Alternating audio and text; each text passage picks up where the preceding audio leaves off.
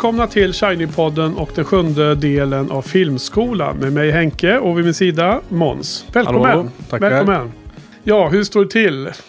Har ni tentaperiod snart eller? Ja, precis. Det är pluggvecka nu, inget schemalagt. Så det är bra, men lite, lite stressigt. Jag fick tillbaka min eh, förra tenta. Jaha, fick ett B på den, så att näst högsta betyget. okej. Och det var ändå motiverande. En Ja. liten eh, morot. Ja, men grattis då. Eh, Var du nöjd med betyget? Ja, det är bra nog. Bra nog. Det, man vill ju alltid ha liksom en A plus-stjärna och en puss på pannan och Ja. att man är den bästa eleven som någon någonsin haft. Men Ja. det kan man inte alltid få. Nej. Det, då får Eh, man nöja sig ibland. Hur, eh, hur stor vikt var det mellan den här eh, texten du skrev, den här essän, och eh, mellan frågorna om man säger så? Då? Lite oklart. Jag gissar att... Alltså, eller jag vet, jag kan inte det där betygssystemet. Nej. Typ, jag fick en liten kommentar där det stod ett adekvat svar på kortfrågorna och väl resonerat. Typ. Så det är lite svårt att veta vad som gav vad. Och vad som krävdes för att nå upp till A också. Ja, kanske. exakt. Ja, det fick jag inget tydligt på heller. Nej. För du skrev ju då om In the Mood for Love. Precis, ja, mer än hälften av klassen hade skrivit om den. Jaha, Av alla filmerna man Ja. fick välja. okej. så Så den, verkade ha slagit eh, starkast där. intryck. Mm, Ja. precis. Ja, just det. Nej, så att eh, nu poddar vi om eh, veckans eh, filmer. Och vi ska prata om fyra filmer totalt idag. Lite senare här nu då. Vi ska avhandla lite punkter först. Eh, och sen så har du framför dig en, eh, en vecka med tentaplugg och sen en tentamen där tidigt veckan efter. Så att i slutet på dagens avsnitt ska vi faktiskt annonsera eh, nästa veckas podd som då kommer bli med mig och Carl igen. Och då ska vi hänga med Coen-bröderna igen. Just. Som lite så här pausunderhållning när du håller på och pluggar. Så det ska vi inte glömma senare idag. Ja, men eh, vid sidan av de här filmerna då, har du eh, sett någonting annat Ja, jag såg på eh, fritiden? Fire of Love. Ja, just en det. eh, dokumentär om eh, Wow. vulkanolis- vulkanologer. Väldigt fina här, filmbilder på vulkaner. Ja, Svincoolt. men den är väl en het jag. film just nu. Och var med i Oscarsracet också, även om Mm. den inte vann då, då. Som vi nu vet. Vi, Ja, vi poddar ju här en dag efter normal plan. Så vi har ju faktiskt koll på vad som hände under nattens eh, Oscars. Precis. Östlund vann ingenting. Nej, Såg jag. Det, så var det också. Jag har också sett Fire of Love. Ju. Mm. Det vet du. Och så, jag, ty jag, tyckte den var häftig och intressant. Och eh, väldigt vackra bilder ibland. Ja. Väldigt sevärd tycker jag. Ja. ja, men det kan jag hålla med om. Eh, det var ju dokumentär om Navalny som vann va? Ja, jag har ingen koll. Jo, Ja. eh, ja, men det kanske är så. ja, det så. ligger ju i tiden och eh, var nog kanske ett eh, Ja. schysst politiskt val av akademin som man kan stå bakom. Ja. Ja, när jag eh, tittar ju vidare på och försöker hitta kandidater för min eh, topp 10-lista för 2022. Sett något som stickit ut? Stuckit ut? Ja, den senaste i den eh, raddan jag såg var en som heter Vengeance. Eh, Mhm. eh, som jag hörde på en topp 10-lista. Jeff Canada i eh, Slash eh, Filmcast. Eh, eller fe- sla- Slash Cast eller vad de heter nu för tiden. Och han hade med den där och jag tyckte den var riktigt bra. Den, var, den uppfyllde eh, hyfsat höga förväntningar. Mm. Så får vi se. Talas om. Nej, det är ju han. Det är en skådespelare som jag tror han heter någonting BJ eller något sånt där. Två bokstäver sådär för, för förkortningar. Och så Novak heter han, Mm. skådisen. Han har, han har skrivit manus och regisserat och spelat huvudroll. Kul. Så han är en sån indie-film. Ja. Eh, men det är också en... Eh, eh, vad heter det? En sån här eh, mysteriemordutredningsfilm. Mm. Men också lite så här crime, men också lite komedi och lite Okej, ja, det låter verkligen som en indiefilm. Ja, en härlig blandning av sånt. Och Mm. Han spelar dessutom en New York, en snubbe från New York som eh, har en podcast. Okej. Så att om du har sett den här eh, underbart härliga tv-serien Only Murders in the Building. Så, så fanns det liksom en liten, liten eh, samma touch och samma style. Eh, inte alls jättenära, men det fanns liksom... De var ändå mer grannar än till exempel ja, Fire of Love eller något sånt där. Liksom. Okej. En, en, en annan film som var en helt annan genre. de, är ändå, de är i samma De är lite kusiner. Ja, Ja. precis. På kartan. Ja, men Nej, men så jag, det var absolut eh, klart sevärt och inte en waste of time. Men du, eh, eftersom det här är sista gången vi poddar i den här eh, delen av din kurs som är stumfilmseran. Mm. Och sen ska du ha tentaperiod så tänkte jag att vi skulle, jag skulle eh, rapportera lite om eh, lyssnar, våra lyssnares kommentarer på min blogg, Fritz Ja. filmrevyer. Kul. Ehm, så nu blir det lite att jag rap- eh, rapporterar här så får du kommentera och, Ja. och se vad du tycker och så. Nej men eh, Karl han skriver ju att han tycker att det var uppseendeväckande eh, att vi gillade Daisies så mycket som vi gjorde. Jaha, Du och jag. okej. Ja, Uppseendeväckande, det låter inte helt positivt. nej jag har Eller? sett hans eh, text och betyg på Letterboxd. Han skriver ju där.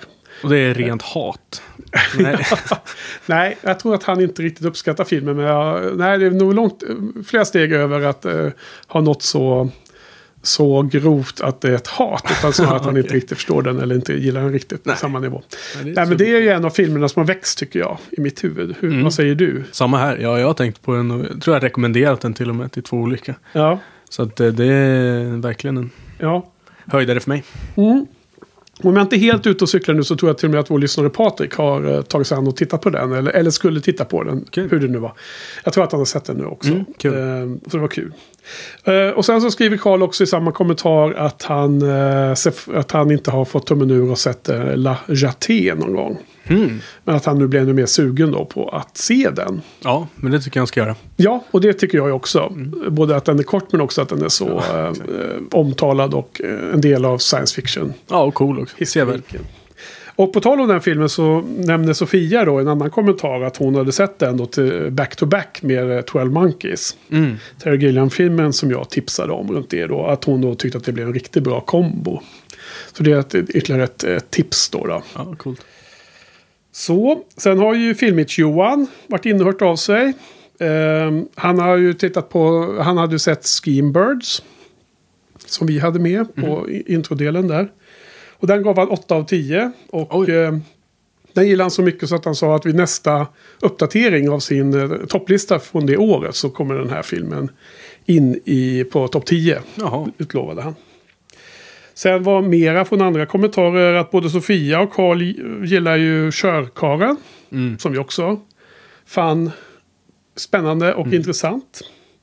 Och eh, vidare Sofia också. Sofia och Patrik den här gången gillar båda Forgotten Silver. Ja. Som du var mer varm ja, den eh, tyckte jag vad jag ja, var. Exakt. Mm, just det. Och sen är det lite olika eh, kommentarer på olika inlägg. Eh, så har det diskuterats fram och tillbaka vem som är bäst mellan Buster Keaton och Charlie Chaplin. Ja, Och det är väl, diskussionen är evig. ja, den kanske är evig och det kanske inte är jätteviktig egentligen. Det finns inget speciellt svar. Allting är subjektivt. Mm. Men eh, Sofia var också kanske mer lite inne på att eh, Chaplin var här, favoriten över Buster Keaton. Då. Ehm, och sen eh, Joinito, en annan Johan-kompis. Eh, han eh, var inne och skrev någon kommentar på något avsnitt här nyligen som han inte hade sett någon av våra filmer. Så han eh, hyllade istället eh, skidorten och Cervinia som du var i. Ja, just Han det. också kände till. Exakt. Ja. Det hade ni gemensamt där. ja, det är fint. Och sen en sista kommentar som jag har lyft upp här. Det är att eh, Sofia då hyllade också eh, Akira som Mm. du hade sett. Och fråga dig det här nu då Måns. Om du nu då ska ta dig an eh, Ghost in the Shell. Ja. Den, Känner du eh, till? Ja, det kom ju en live action-version av den Ja, för typ fem år sedan eller något. ja. Eh, och då, den såg jag inte. Nej, men jag den. fick upp ögonen för den och verkade, det verkar ju svincoolt. ja. Och då tänker jag, eller jag tänkte då att jag skulle se originalet. Sen Ja. har det inte blivit av. Nej, för det finns ju en manga Och så finns det tre animerade filmer. En live action och så finns det en... Nej, två tv-serier tror jag. Okej, ja, då Som han har animerat. har du bitar i. Ja, och jag har sett eh, de animerade filmerna 1 och 2 men inte 3 Okej, sevärt. eh, man gillar en sån style, Mm. absolut. Eh, såg tvåan först då, jag såg den på filmfestivalen. Då var det lite så att det gick över huvudet på mig. Men Ja, sen såg jag eh, första filmen innan jag skulle se den live action med Scarlett Johansson då. mm. Runt 2015, 16 någonting kanske. Något sånt. Ja, men var den bra? Den Ja, jag, jag gillar den mycket. Ja, okej. Men det var ju... Eh, det var mycket bråk om den för att hon var vit och inte var Ja, asiatisk. Ja, just det. Eh, men jag gillar henne så för mig var det inga, inga problem. Nej. Jag tycker hon är jättebra. Ja. Eh, jag gillar eh, miljöerna, jag gillar eh, science fiction-innehållet Mm. och allt sånt där. Men jag tycker de animerade filmerna också klart coola att se. ja men gött, då ska jag... Alltså, jag, de är mer... Eh, de känns mer moderna än eh, Akira till och med. Liksom, om man säger så. Ja, Um, men jag kanske ja den känns om- ganska 80-tal tycker jag. Ja, precis. Den, den har en viss eh, look and feel tycker jag. Mm. Mm. Bra. Men då har vi täckt in lite det. Vi tackar alla som eh, skriver in kommentarer på min eh, bloggsida, min filmblogg. Tackar, tackar. Och vi tackar alla som lyssnar på podden också. Ja. Och eh, Ödmjukt. ni vet vilka ni är. ja, exakt. Så nämn ingen namn så har jag inte glömt något. Nej. Okej, men du, eh, eh, vi ska avrunda lite efter de här filmerna. Men vi, låt oss hoppa in i kvällens fyra filmer till att börja med. Thank you.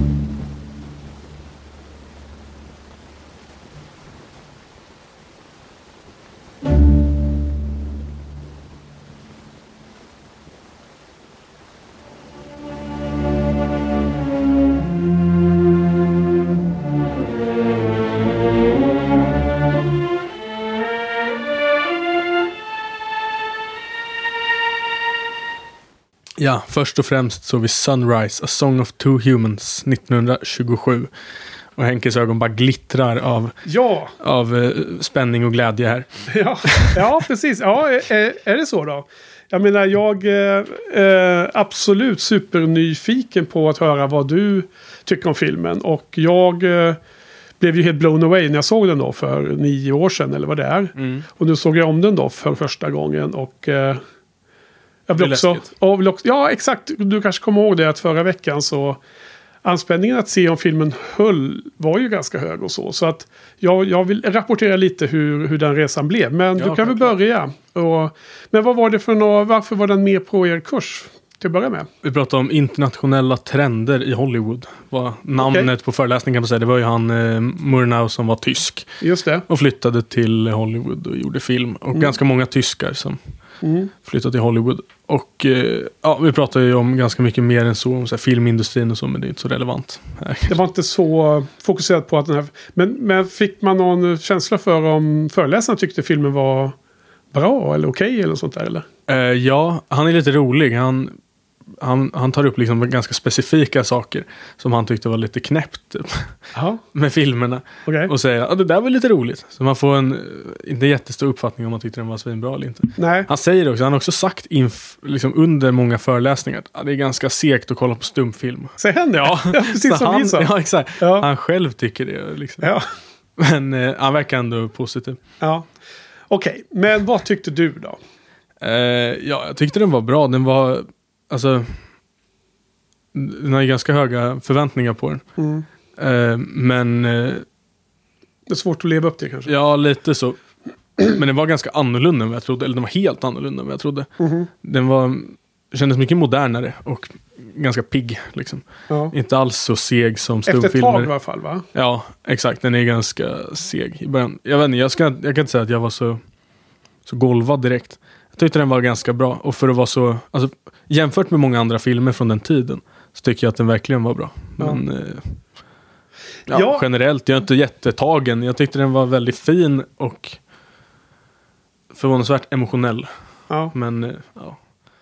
Ja, jag, jag som brukar tjata om eh, bra karaktärer och bra relationer i film. Som då betyder inte att de är att de slutar lyckligt. Nej. Utan bra relationer är ju något som är intressant för åskådaren. Att eh, en relation som går åt vilket håll som helst och rör sig hur som helst. Men att den är bra beskriven. Och att man, man köper relationen och man eh, eh, lever med i filmen på det sättet som, som krävs för att man ska bli helt uppslukad av en film. Det är det som är en bra relation när vi pratar om filmbetyg och vad som funkar och inte. Liksom. Mm. Något som kommer återkomma när vi pratar om 2022-filmerna där man liksom ibland tycker att det här är en film som verkligen har fångat den för sådana aspekter. Och så kan det vara en annan film, hur känd den än må vara. Ja. Som då inte har fångat den på de parametrarna. Och, då, Nej, det. Och, och, det som de filmerna istället bjuder på har inte riktigt tilltalat än. Och då, ja, då faller filmen lite och kanske blir mer helt okej. Okay, mm. Men liksom inget mer. Eh, så det här är en film som jag fortfarande nu till min glädje kan säga att jag, jag, jag, jag tyckte var svinbra igen. Ja.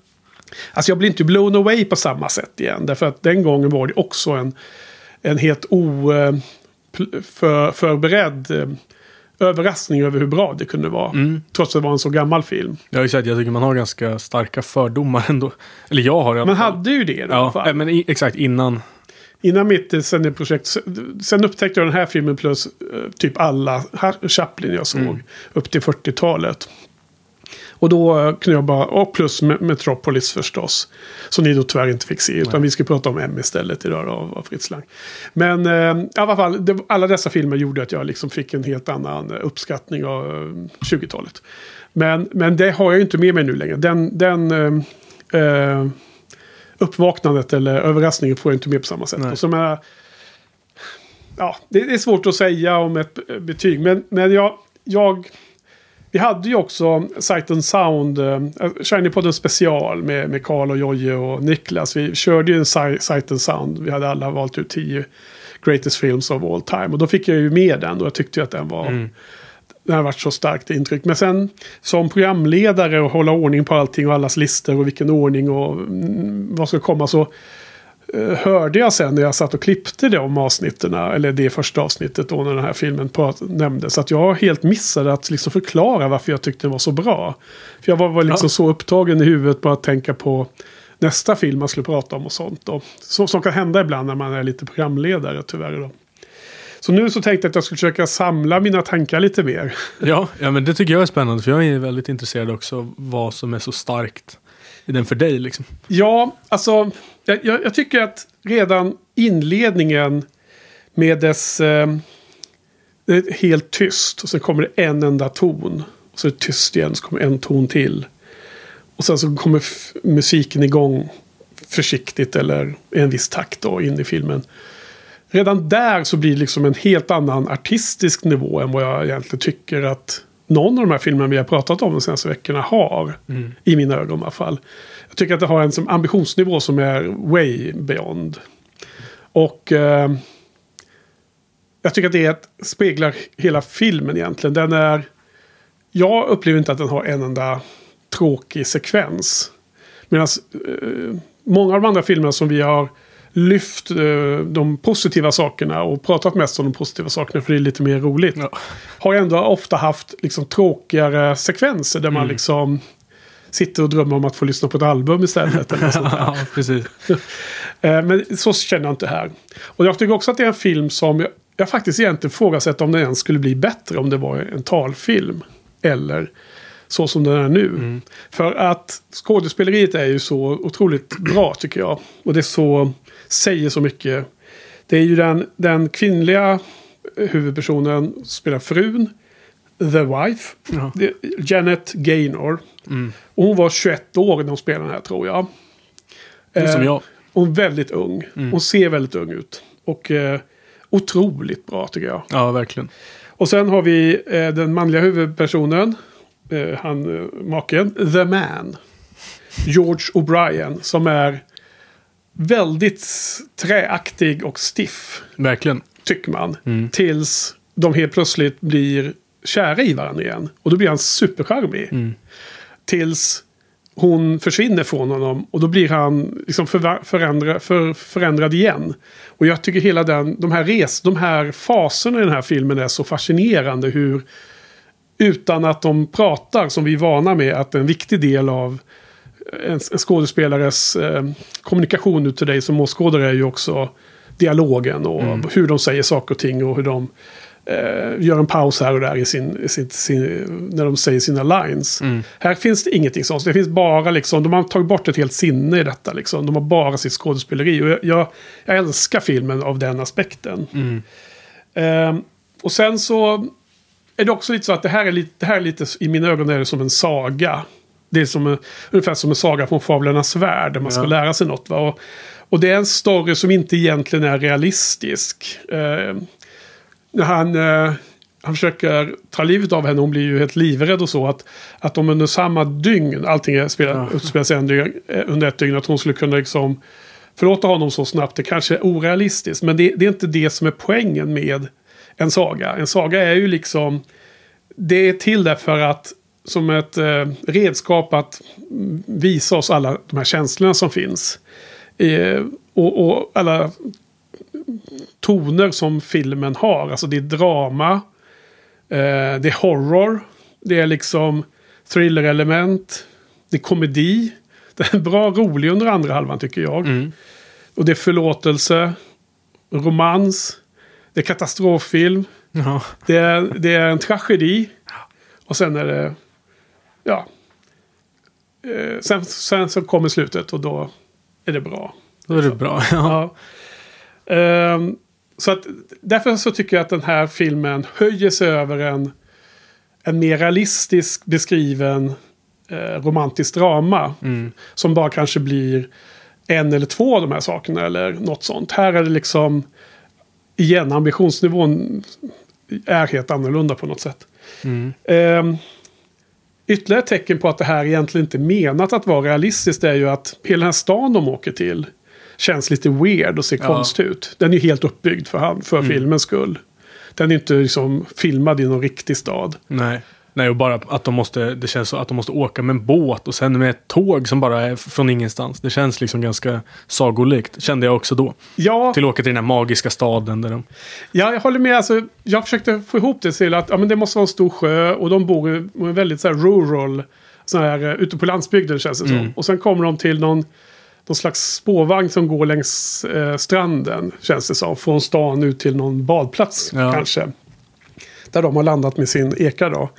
Och sen in till stad och så är det helt plötsligt en ganska stor stad. Det är liksom, alltså, man får en vibe av, kanske inte New York City, men ändå en stor stad liksom.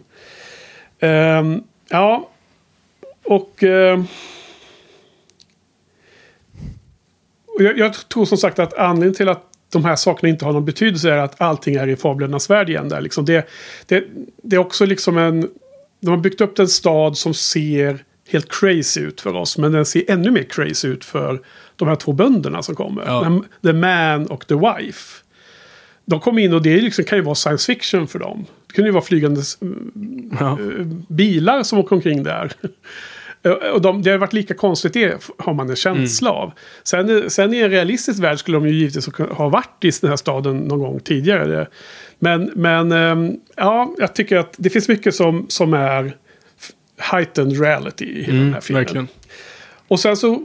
eh, och när de väl liksom... Redan innan då vi börjar, den, här... Eh, falska, den här onda kvinnan. Eller ond, hon försöker ju dupera den här Ja. mannen att sälja sin gård. Och komma in till stan och bo med henne där. Hon vill väl liksom bara, hon är bara en lycksökerska får man en känsla av. Mm. Och så man ser att hon är helt svinig mot de här som hon bor hos. Då. Hon har väl tagit in som någon bed and breakfast där. Ja. Och hon har liksom högklackat och nylonstrumpor och är liksom en ond kvinna. Det ser En ond, exakt. Hon såg också väldigt rastlös ut hela tiden tycker jag. Såg ut som att hon gjorde det bara för att hon kunde. Hon hade tråkigt typ. Ja, precis. hon- Som att det var, var en lek för henne. Exakt. Och hon liksom föreslår att han kan ju dräpa sin fru. Ja. Bara dränka henne. Och eh, hur den liksom... Eh, hon, hon föreslår att du kan göra den här flytattiraljen av de här eh, vassen. Mm. Som sen då ko- kommer med i spel i slutet. Exakt. Tredje akten. Det, det är snyggt. Och så, men redan i början där så blir jag ju, ömmar ju mitt hjärta för den frun. För att he- hela, börjar, hela filmen börjar med att eh, hon... Det börjar i deras eh, rum då, då. De är så litet hus där på gården. Hon ser att han har kommit hem, typ från jobbet eller från dagen ute på gården. Så hon går och hämtar maten och så. Då har han hunnit gå igen för att Ja. den här andra kvinnan är utanför. Och så här otroligt små medel. Man ser hur ledsen hon blir. Ja, jag vet. Den tyckte jag också var hjärtskärande scen Ja. verkligen. Och att hon inte, hon bara ger upp. Hon bara sätter sig vid bordet. Ja, det är på något sätt det som så- att de har varit i en, Ja. en rut en, en längre period. Den här, Exakt. hela den här sommaren med den andra kvinnan. Och sen då hur likaledes glad hon blir när mannen säger att vi ska ut och åka med båten. Åka in till, till stan. Hon blir så jätteglad. Mm. Och så vänds det då till att han helt plötsligt attackerar henne. Alltså det, jag tycker det är helt otroligt Ja. starkt. Alltså, Mm. ja men hon, det är mycket alltså, till förtjänst av att hon är en sån fantastisk skådespelerska. Tyckte jag. Jag tyckte hon verkligen var... Alltså, hon är absolut Ja. eh, stjärnan i det här. Och, och sen så tycker jag att de har ju många otroligt härliga scener. Ja. Så när de besöker bröllopet, det är ju då han bryter ihop och ber om förlåtelse och, och hon tror på honom. Mm. Och sen går de ju till den här frisersalongen. Och eh, hon får någon, något creep som sitter nära henne. Och försöker, någon snubbe som försöker plocka upp henne. Vilket är, eh, ja. Eh, så att säga, ja, det blir en scen där då. Men det är mer i dramaslaget. Och sen är det när de liksom är i den här nöjesparken och de ska dansa. Mm. Och han som är eh, chef där liksom ser att de kommer få landet. Så de sätter ju på någon slags eh, Ja. peasant-sång. Exakt. Midsommarvisan och slags. Ja, det låter ja. som en svensk eh, sån här, eh, vad heter det? Ja, sång ifrån Ja. Dalarna eller Exakt. sånt där. Folk. Folkvisa, Mm. precis. Och det, det är väl då när de dansar som den där mannen står bredvid en, en kvinna som har Ja. en klänning som är för lös. Ja. Så det ramlar ner över axeln, de här eh, arm, eh, axelbanden på klänningen. Så det, det ramlar ner och han tar upp eh, Ja. bandet på axeln. Och sen på båda sidor och så här. Exakt. Och, eh, och hon, hon liksom tackar varje gång. varje gång, ja tack. Ja, tack. Och han tackar. Ja, han, alltså, no worries. Och sen så, hon verkar inte se att det ramlar ner hela tiden. Så till slut så vill han bara ha det lika. Så han drar ner båda. Då får han ju en. Ja. Nej, Jag tycker det är små, små detaljer som är jättebra. Ja, och, och bara jag tycker hans skådespel när han först inte vill dansa. Den scenen tycker jag är så charmig när han inte vill dansa och sen så drar hon in honom ändå. Och så, Ja, och så dansar. det, Då tycker jag att de båda sån jävla, alltså verkligen påtaglig, alltså, Personkemi. ja exakt. Ja, precis. För det byggs ju upp där långsamt mer och mer då. För han är ju den här torra, trista, tråkiga mannen som har lämnat henne i eh, mentalt. Mm. Och så blir han ju, kommer han ju närmare och närmare. Det, är ju den resan som är så härlig tycker jag i den här filmen. Och sen, sen efter de har dansat så sitter de ju och dricker sig fulla, vilket också är jätteroligt. Ja. Och sen har inga pengar, Nej, han har inte pengar nog. Så får hon betala det sista, hon är jättenöjd liksom. Hon har en liten portmonnä där då. Och, och jätteliten rolig scen när de hoppar på den där eh, spårvagnen för att åka tillbaka till sin äh, segeleka. Han, han lyfter henne som att han ska bära upp henne försiktigt, men så kastar han upp henne. Kommer du ihåg det? Nej, jag Tänkte det? nej. Nej, han, han hystar in henne där. Alltså, det, det, det är inte elakt eller våldsamt, utan... bara- Lekfullt. Lek, Ja. Exakt. Det ser ut som att han ska som försiktigt lyfta upp henne. Men det blir... Ja, men de, det, det är som att de... eh, Det, det är som att man tagit bort fem eller tio år på hans ålder helt plötsligt. Och det är fascinerande. Jag gillar den här filmen. Och sen är ju slutet tycker jag dramatiskt. Jag kommer ihåg första gången jag såg det hade jag ingen aning om liksom, mm, bra slut, dåligt slut eller så. Och det blir ju liksom ödens ironi här då när hon ska drunkna där då på grund av att det blev sjöstorm då. Mm. Ja, men jag, vi pratade lite om det. Hade du tyckt att det var en bättre film om den slutade dåligt? Liksom? Man skulle, frun skulle ju kunna dött. Liksom. För nu känns det nästan som att det var ett krav att Hollywoodfilmer skulle ha en, ett bra slut på den där tiden för att sälja typ. Men eh, vad intressant, var det på kursen eller var det bland eh, Nej, det var på, kompisar på, sidan? föreläsningen Ja. efter. Och vad, vad kom ni fram till då? Ja, det var lite delat. Men föreläsaren sa faktiskt att han önskade att den hade haft ett eh, dåligt slut. Ja. Att hon hade dött och att han hade hunnit strypa den där andra kvinnan också. Det hade varit ren jävla misär i slutet. Ja, ja. Men, men, eh, vad, vad tyckte ni då, studenterna? Unga, oförstörda? Ja, vissa höll med. Jag tycker att det var väl ändå fint. Liksom.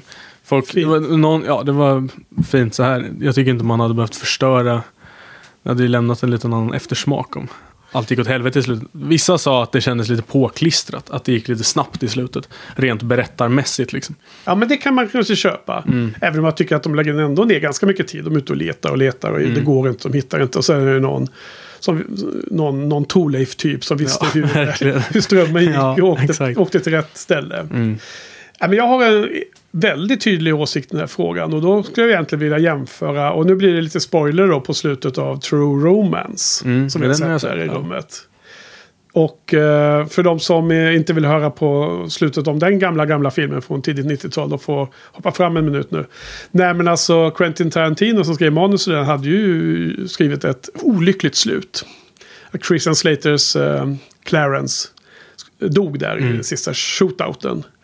Eh, Men Tony Scott som eh, gjorde filmen eh, tyckte att nej, men det här är ju en saga. Det här är ju liksom en romantisk saga om de här två. Då dör ju inte, Då dör- nej, då dör inte han. Och jag tycker det här är precis samma sak här. När man börjar se filmen inte som en realistiskt romantisk drama utan mer som en, en slags ja, fabel eller vad man nu... Mm. Om det nu är rätt ord ens. Jag kanske bara använder det fel nu. Men jag hoppas att lyssnarna förstår vad jag menar. Att det är en, liksom en, en saga mer. Mm. Liksom. Då, då, då tycker jag inte alls att det ska vara ett sånt där Nej. realistiskt Ingmar Bergman-slut.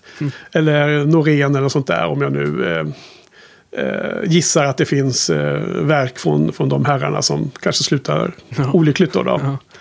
Men... Eh, och jag menar, det, det som eh, Luke Skywalker dör ju inte i slutet på Star Wars. Hur, hur skulle det vara?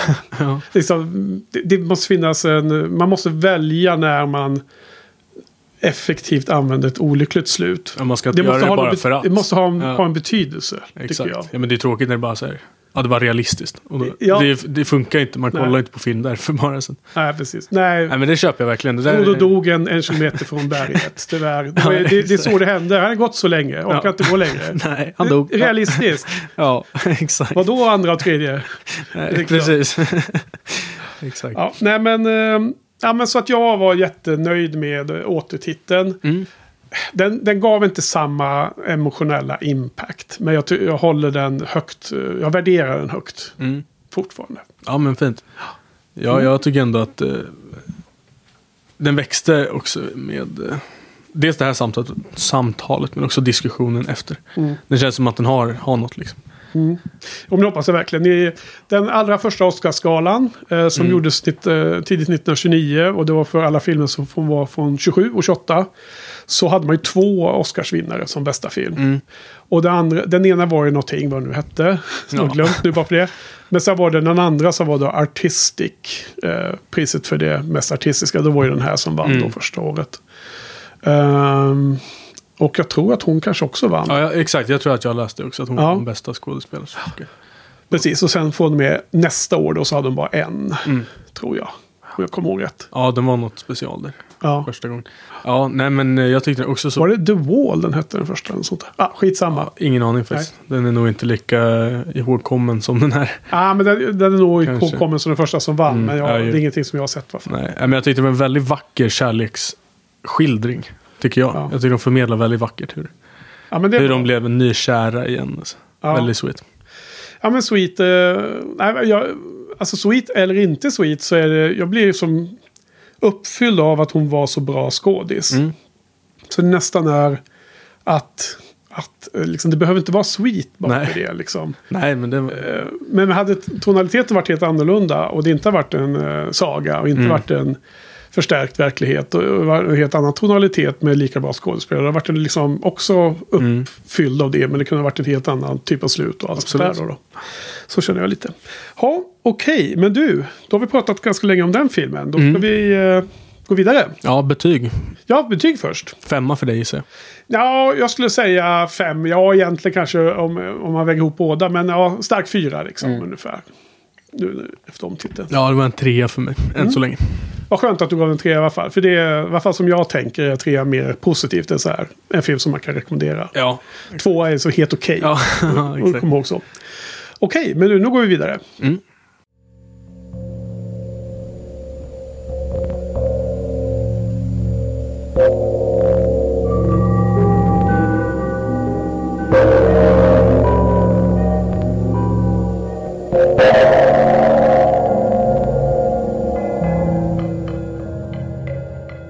Nästa film vi såg var La Coquille et la Clergyman, The Seashell and the Clergyman.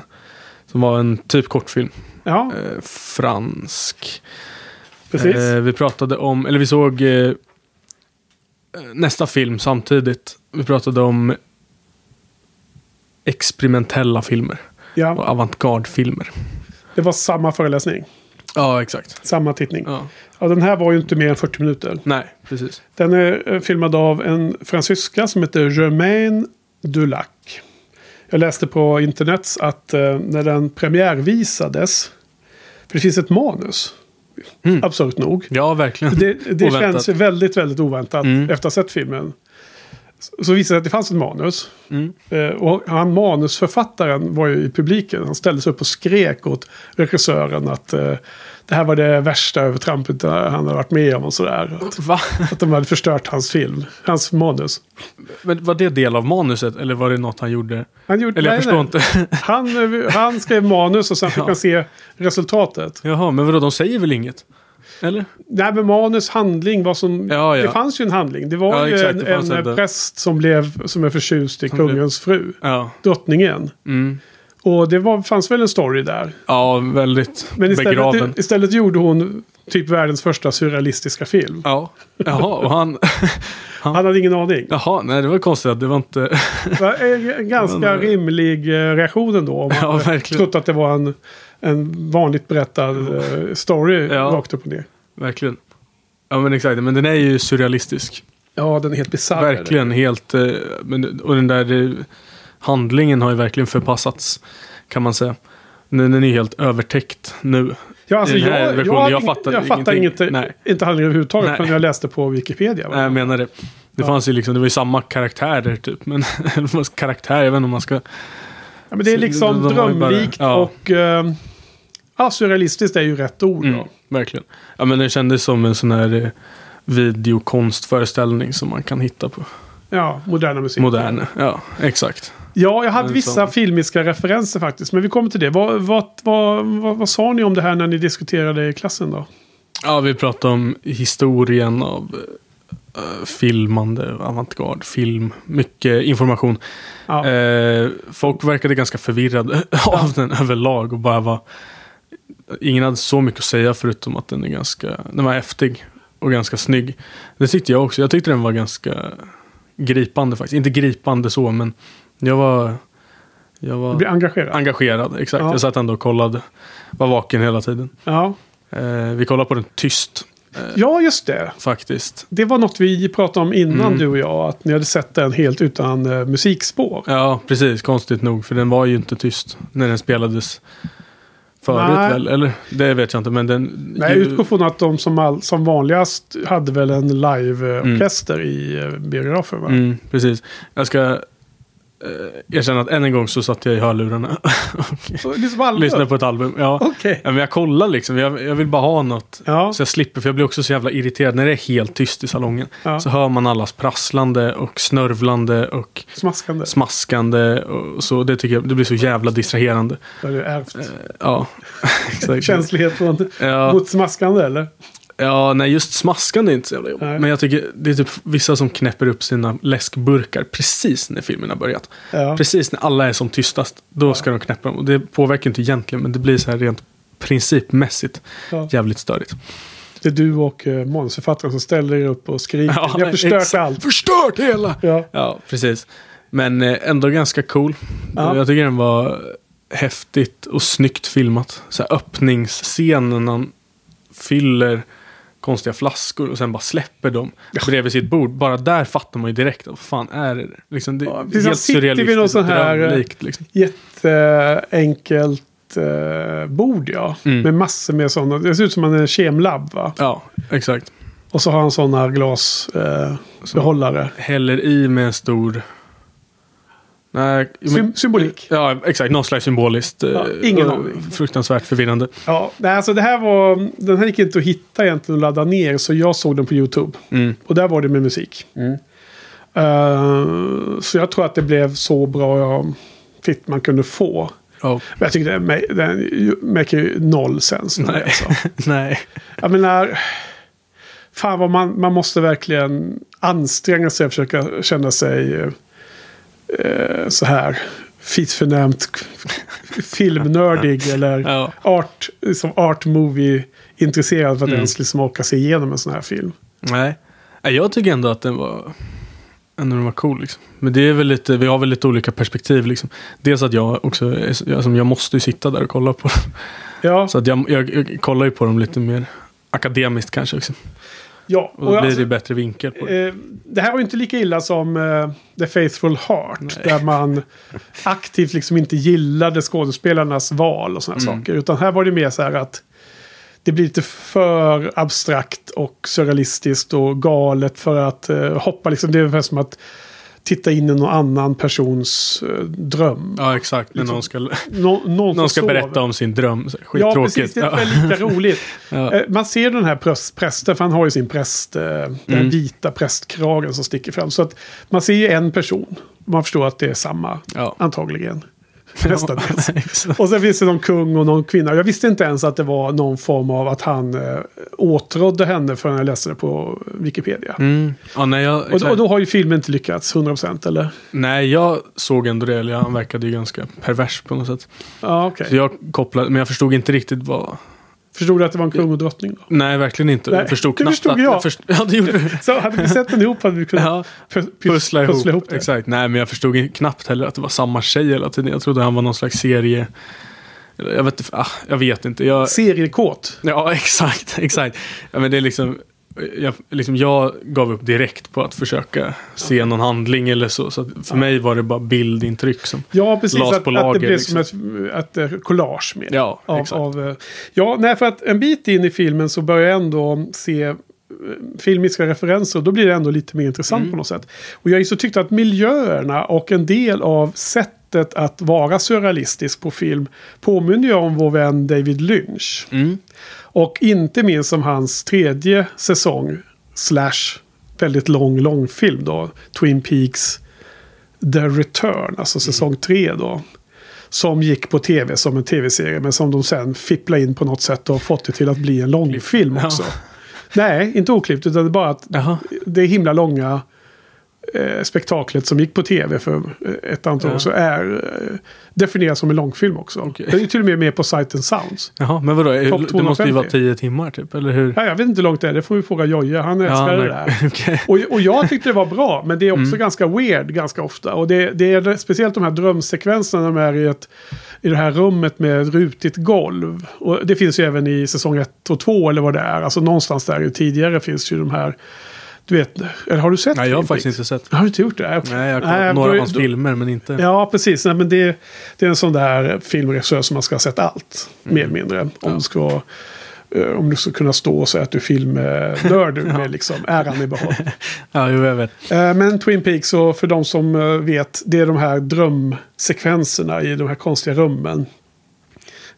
Med de här röda väggarna eller draperierna och rutiga golvet och allt vad det är. Mm. jag kommer inte ihåg exakt, men det, det, det bara gav mig en väldigt stark Ja. bild av det här är ju Day, Lynchen.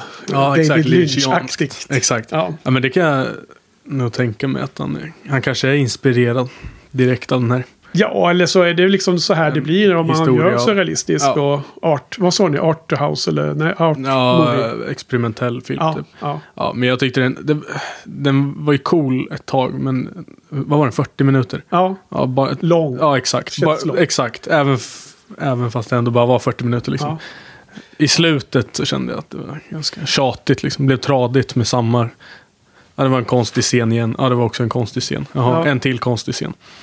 Det blev inte så... Nej, precis. Det blir, det blir något eh, repetitivt också Mm. med galenskapen om man säger så. Mm, exakt, men där tycker jag ändå, på tal om eh, Daisies. Ja. Där tycker jag inte att det var ett problem riktigt. Nej, men det hade man ju två Där, väldigt intressanta skådespelare hela tiden. Jag Ja. tyckte att det var, man kunde lätt se den filmen på att bara studera skådespelarnas, eller de här två tjejernas mm, insatser om man säger så. mm, sant. Ja, de hade också lite karaktär. Ja, men Man- man exakt. kunde de, följa de dem. var ju charmiga på ett sätt. Ja. Liksom, så att, Verkligen. ehm, det var ju det som var den röda tråden i den. var ju de. Sen gjorde de ju massor med galna saker. Ja. Så, man, så, så att det, det var ju som grader i helvetet här. Det här var ju liksom så far off. Alltså det var verkligen, det här var ju liksom inte en film med någon handling egentligen Nej, tror jag. verkligen. Nej, det var inte det. Det var helt...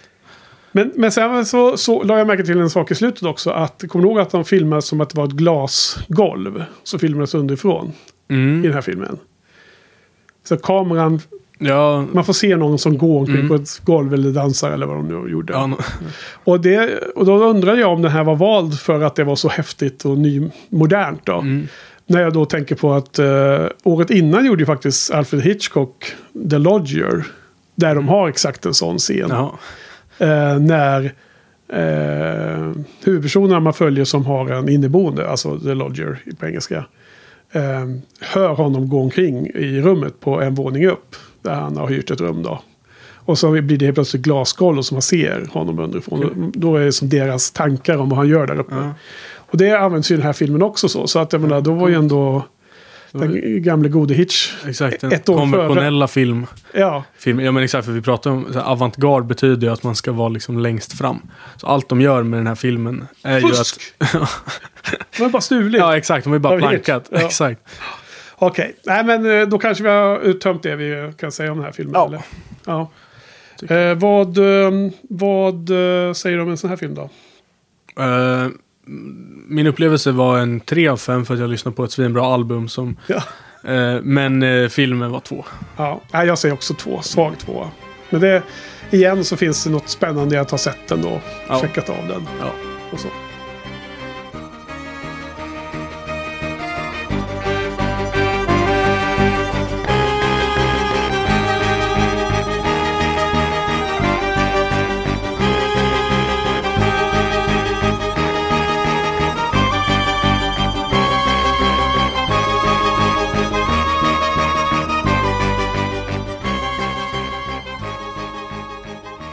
Nästa film vi såg, som vi såg eh, back-to-back med den förra. Celovek S. Kinoapparaten. Mannen med filmkameran av Dziga Vertov. Eh, också en experimentell.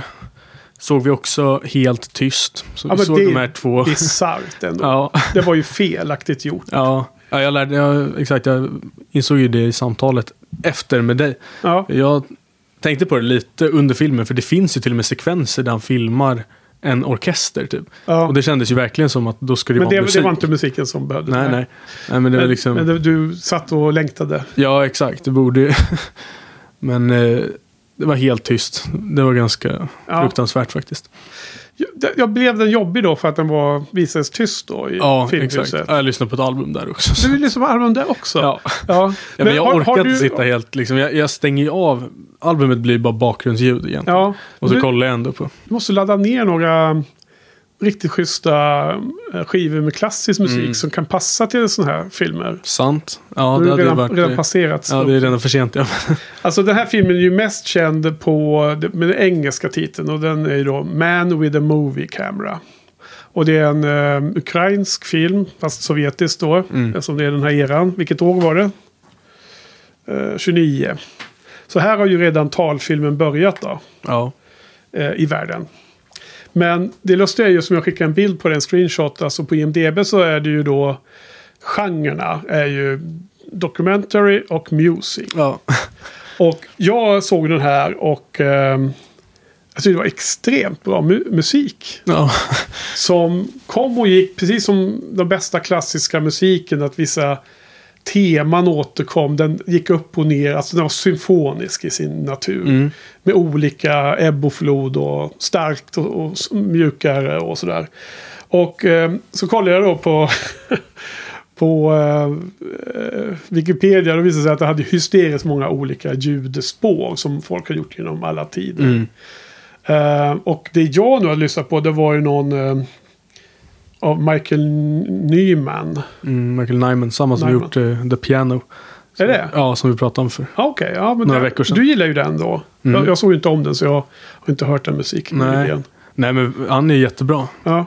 musikskapare. Det, det var på 2000-talet någon gång så det är en ny, ny historia. Det lät mycket äldre än 2000-tal kan jag, Mm. kan jag lova. Men eh, eh, Wikipedia listar 24 olika scores som har tagits fram mellan, alltså från tidigt 80-tal till Ja. 2022. Och den som jag såg finns på YouTube också. Mm. Med den. Men det här är väl en... eh, han gick ut med kamera och skulle bara dokumentera livet i Kiev och Moskva också och ytterligare någon stad tror jag. Ja, Om det var i Odessa och sånt där också tror jag. ja, typ. Det var, det, som det stod där, dokumentärt. Vi pratade om det som ja, men dokumentfilm. Liksom. Ja, Eh, men det var lite, han problematiserade lite vad det är en dokumentär om. Liksom. ja. Det är nästan en, alltså, det handlar ju om kameran. Typ. Eh, kan man se det som. För att själva syftet var egentligen inte att visa hur livet såg ut. Nej, Utan det var bara att visa vad man kan göra med en kamera. just Och det. att, att en kamera kan visa liksom det här, det här, det här. Eh, och att bli liksom lite meta. Så. Ja, precis. Men, eh, och det förstod jag också när jag läste på att Mm. det var. Men samtidigt är det ju... De visar liksom eh, arbetare. Mm. De visar eh, folk som går omkring på torget. Och det är jävla massa sådana här spårvagnar överallt. Ja, verkligen. Man Jävlar. man bara väntar på att någon Exakt. ska bli överkörd. Ja, verkligen. Ja, det är ju till och med åtminstone en, en scen där de, han, han har lagt över två, alltså dubbelexponerat. Så det såg Mm. ut som att de här två spårvagnarna liksom spöklikt åker in genom varandra på något sätt. Ja, Så att det verkligen visar, det tyckte jag var ganska coolt, visa hur jävla hetsigt det såg ut liksom.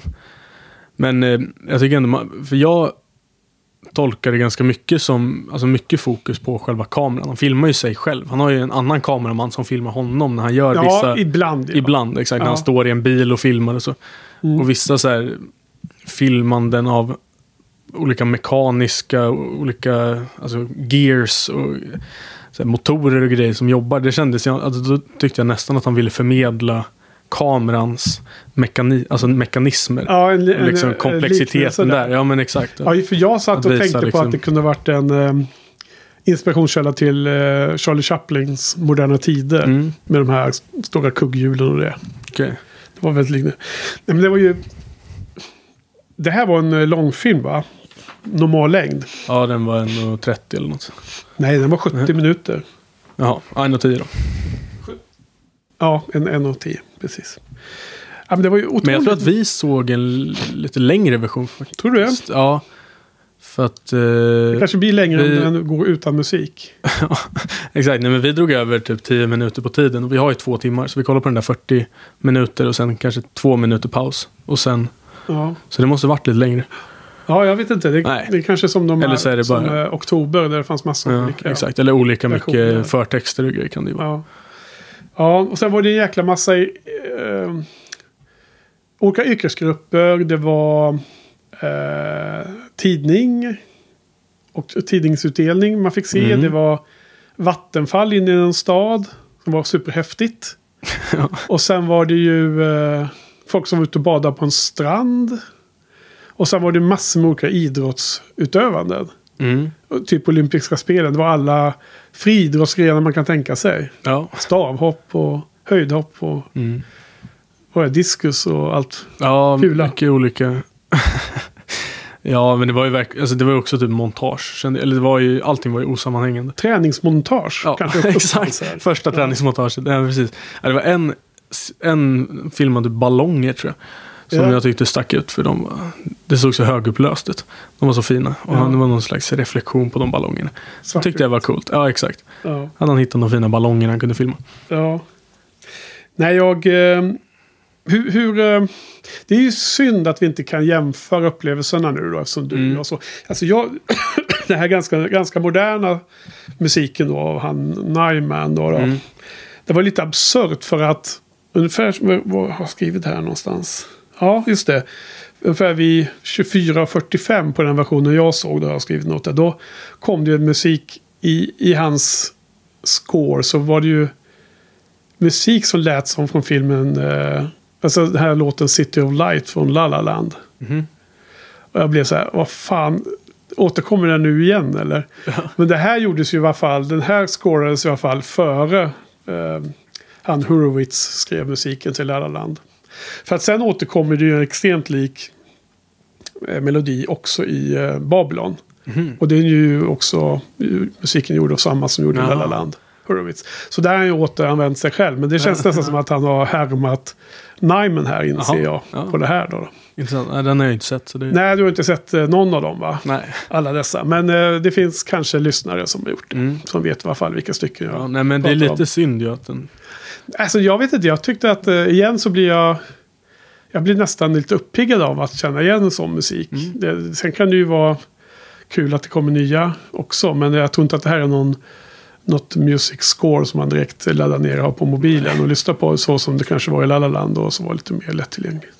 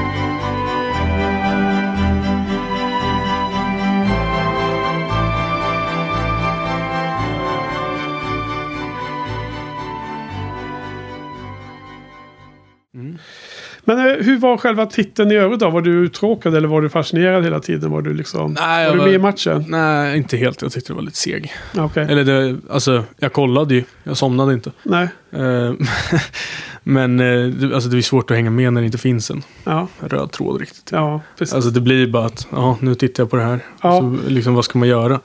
Man måste på något Man sätt kan inte- eh, komma in i trans där och tycka Mm. att de här bilderna är härliga. Personligen så tyckte jag att det var ganska tråkigt också. Eller alltså, jag var liksom mer nyfiken för jag vet ju att den är väldigt hyllad den här Mm. filmen. Eh, och eh, så jag var väldigt nyfiken på vad är det liksom, varför. Ja. Så här. Man vill försöka se vad andra har sett och vad andra tar med sig. Och sen så till slut så märker man att nej, men det finns nog ingenting här. Tills jag faktiskt i slutet av filmen börjar helt plötsligt bli så här mer och mer intresserad av eh, personerna man Mm. såg. Och det var väldigt sällan, alltså då var det inte han the, the man with Nej. the movie camera, han som var eh, fotografen. Det förstod man att, att de filmade sig själva, för man såg det på något sätt. Som, som man, det var inte någon tvekan om att det var de själva. Men av objekten som de filmade så var det bland annat några barn som återkom. De var med i början och var med i slutet Mhm. också. Och eh, för de kollade på någon trollerikonstnär och så i slutet. Eh, och, och, men jag börjar bli liksom mer och mer så här, vad, är, vad gör de här människorna? Vad, vad är de för några liksom? Mm. Vad, du vet, vill jag veta mer liksom? Ja, precis. På något sätt känns det som att filmen på något sätt fick en, ett grepp som var oväntat där efter att i Mm. början har varit mer så här passivt bara se liksom massor med olika scener flöda framför ögonen som inte verkade ha någon sammanhang. Mm. Och jag vet inte riktigt om, eh, om det var så här att jag var nära att bli greppad av filmen som vissa uppenbarligen har blivit då. Ja. då. Exakt, men precis inte. Eller så var det bara att din... Ja, jag är så Så- så- touchade. Jag, Ja, liksom, jag bara snuddade vid någonting. exakt. Eller Ja. någon slags överlev, överlevnadsläge av din hjärna. Att desperat försöka hitta någon slags Make a röd sense. tråd. Ja, exakt. Ja, kanske. Det kan vara det. Ja, okej. Nej, jag tyckte den var ganska ogreppande faktiskt. Jag, eh, men coolt att ha sett den. Ja, men jag Till tycker... viss del. Den var ganska snyggt gjord. Alltså, om du jämför det här med Oktober då, som vi såg Mm. förra veckan innan. Det var ju...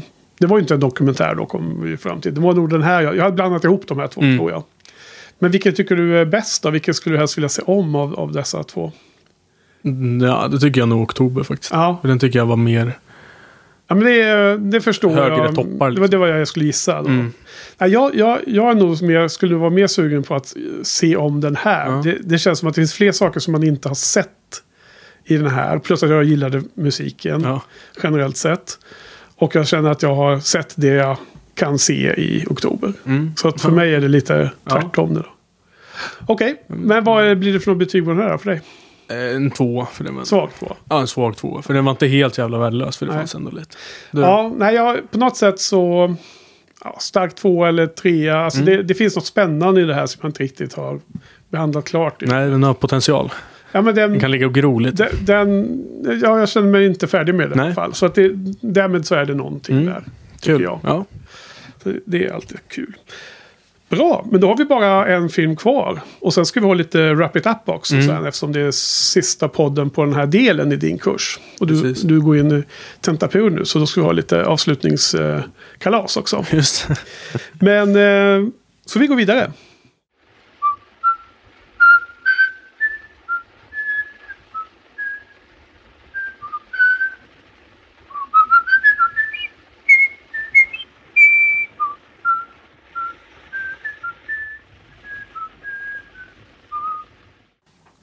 Ja, sista filmen var M av Fritz Lang. Eh, från 1931. En tysk film. Mm. En drama. Alltså crime-drama. Brottsdrama. Thriller nästan. va? Thriller rent av. Ja, Ja. ja. men den var lite otäck faktiskt. Tycker jag.